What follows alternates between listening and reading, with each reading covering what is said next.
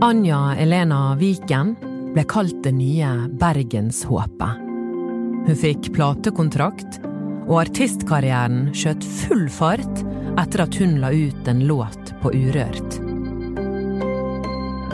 Men så ble det plutselig helt stille. Jeg er Anna Magnus.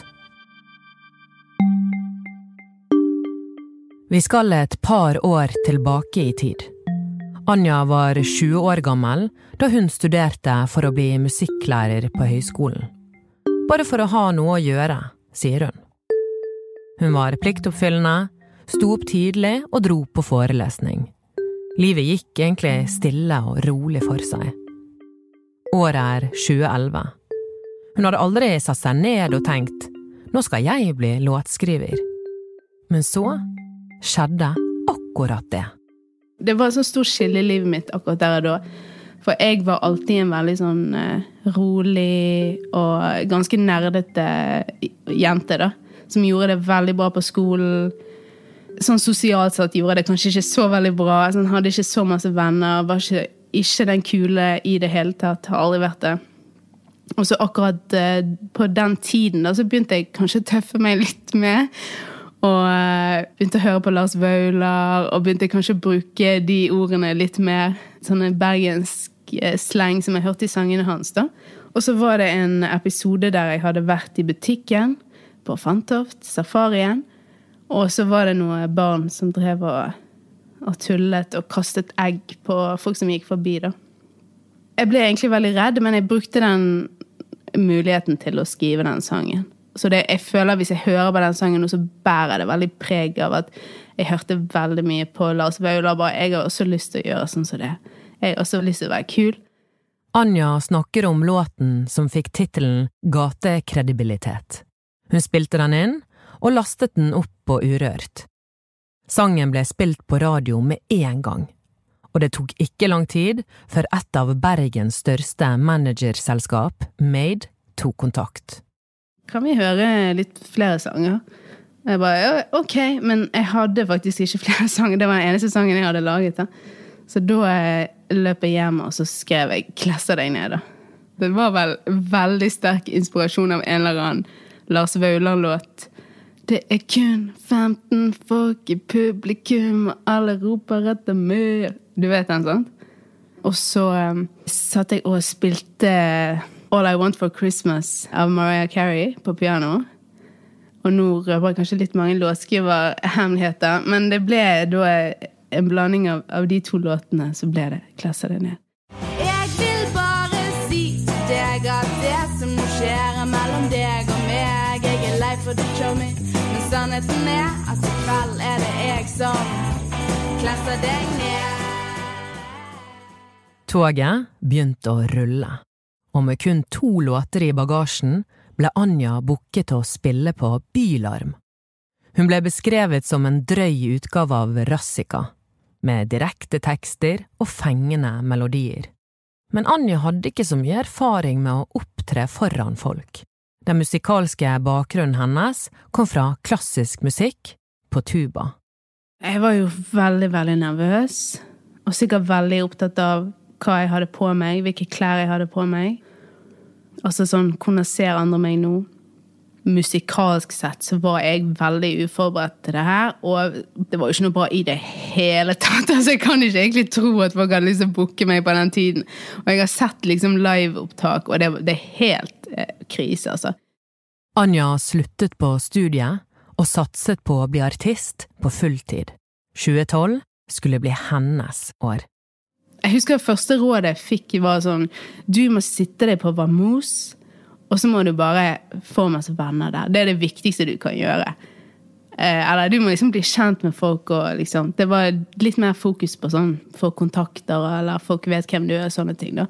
Annet enn at du må gå hjem og ta noen sangtimer, selv om det var kanskje det jeg hadde mest behov for, da.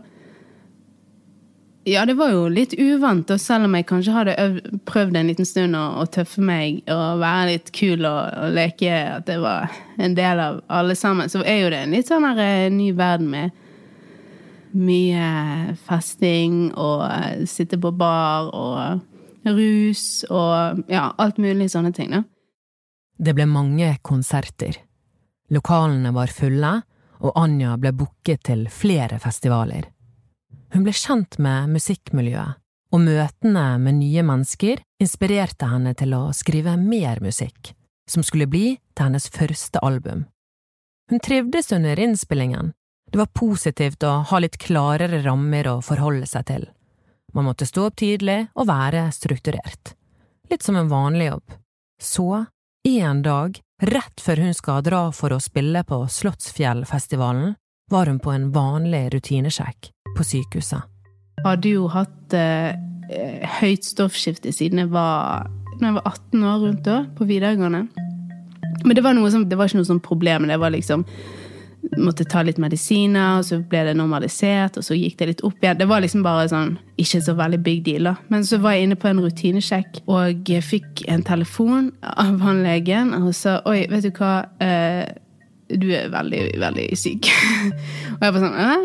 Jeg hadde liksom powerwalket fra Fantoft til Haukeland sykehus sånn, rett for, altså til timen min. Jeg følte ikke meg noe syk i det hele tatt. Jeg tror nok ikke jeg forsto hva han sa. Så jeg var sånn, ja, men du, jeg skal, jeg skal dra på turné nå, liksom, går det greit? Legen kunne ikke nekte Anja å dra på turné. Å ha høyt stoffskifte beskriver hun som å ha drukket for mye kaffe ganger ti. Hjertet banker fort, man blir skjelven, svetter, kroppen er på høygir, og det blir vanskelig å sove.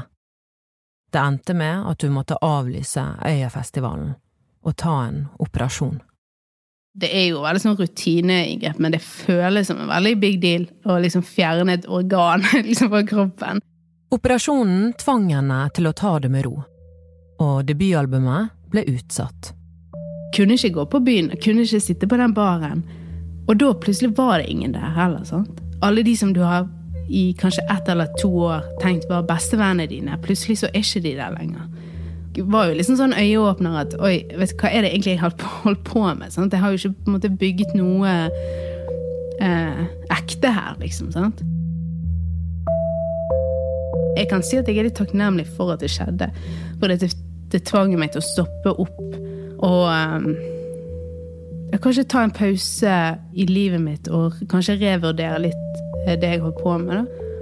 Av og til så har man litt godt av å bli tvunget til å stoppe opp, tror jeg. Anja kom seg på beina og fortsatte å spille. Hun hadde låtskrivecamper, var i USA, men så sa det stopp. Hun fikk avsmak og ville ikke mer. Hadde egentlig ikke lyst til å være artist lenger. Hun flyttet til Oslo for å gjøre helt andre ting. Det som skjedde mens jeg bodde i Oslo, var jo at jeg havnet litt inn i sånn New Age-greier, da. Altså, jeg kan jo si at jeg har i tillegg til de tingene vi har snakket om, så har jeg også noen opplevelser fra barndom som er, ganske sånn traumatisk, Da. Og jeg, jeg, tror det forklarer en del av eh, valgene jeg kanskje ikke har tatt gjennom livet. De aller fleste har opplevd ganske kjipe ting i livet. Det er ganske vanlig. Da. Det er ikke noe sånn eh, egentlig så veldig uvanlig å oppleve sykdom eller andre ting. Da. Men jeg tror at når man går og bærer på en smerte eller noe som er veldig vanskelig, da, så søker man å finne en sånn eh, fred eller en sånn lettelse i andre ting. Men det er jo også en veldig eh, mørk vei å gå, og det går plutselig fort fra at du Litt meditasjon her, og litt eh, horoskop der, og litt krystaller, og litt self-love der, og plutselig så er du Er det liksom folk som driver og kommuniserer med aliens og alt mulig mørke, mørke, mørke greier. Anja forteller meg at hun havnet i et kaninhull. Hun var veldig fornøyd med å ha funnet svaret. En dag gikk hun inn på YouTube og så en video som handlet om en kvinne som hadde blitt kristen. Jeg gikk jo på en måte inn i det med sånn, ok, nå skal jeg bevise dem at de tar feil, for jeg vet. De her har bare ikke skjønt det. De har ikke skjønt nok hva det handler om. Men det ble faktisk sånn eh, Altså, livet mitt ble forandret i det øyeblikket. For det var første gangen jeg jeg hørte forklart og forsto hva evangeliet om Jesus er, da. Og det var liksom sånn wow, fordi at jeg har jo på en måte vokst opp sånn kulturelt kristent hjem, da. Men jeg hadde aldri eh, visst hvem Jesus var, eller hva han har gjort på en måte for oss. da.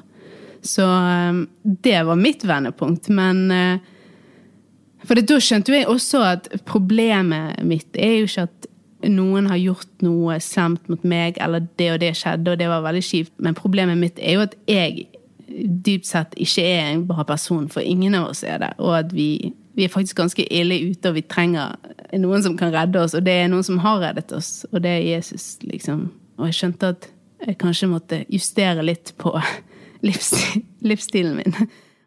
Anja giftet seg i sommer. Hun har begynt å gi ut musikk igjen, og laget blant annet en brudelåt på norsk, for det savnet hun da hun skulle lage spilleliste til sitt eget bryllup. Anja legger også ut egne versjoner av salmer.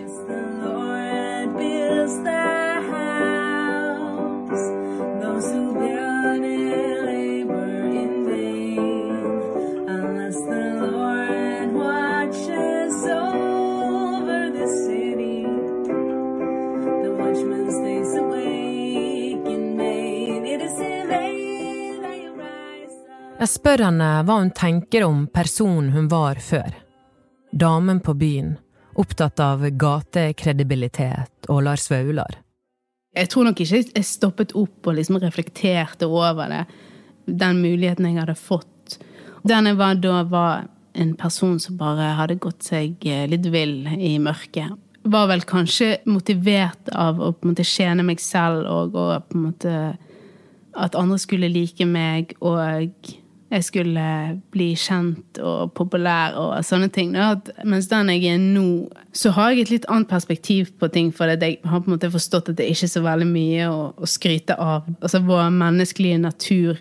Det er ikke så veldig imponerende og overlatt til, til, oss selv. Så klarer ikke vi å egentlig gjøre så veldig mye bra da, på egen hånd. Men jeg har vel kanskje også innsett at det der å ikke ville lage musikk og ikke ville gjøre det, er også litt sånn å være litt selvopptatt. Fordi at altså hvis du kan bruke den tingen du har, da, til å, å gjøre noe bra, og kanskje, ja, kanskje jeg kan lage en sang som noen blir litt glad og, Så syns jeg det er en bra ting, da. Bruke det jeg har fått, og så gi ære til Gud og takke ham for, for det han har gjort eh, for meg.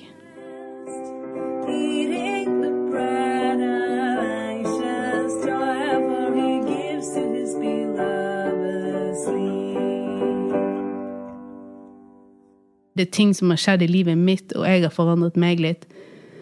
Men det er klart at du kan ikke fortsette. Eller jo, det går, men det er veldig trist hvis du skulle levd det livet du levde som 20 år når du er 30 år, og 40 år, 50 år, 60 år. Det er helt naturlig at, at livet forandrer seg, og man går gjennom altså, forskjellige stadier. Og det er en veldig god ting. Og jeg håper jo egentlig også at kanskje fansen min har vokst sammen med meg. Kanskje også ting har skjedd i deres liv. Sant? Det er jo ti år siden den første låten kom ut, så det må jo ha skjedd ting. Sant? Denne episoden er laget av Anna Offstad, Arve Stigen og meg, Anna Magnus. Takk for at du hørte.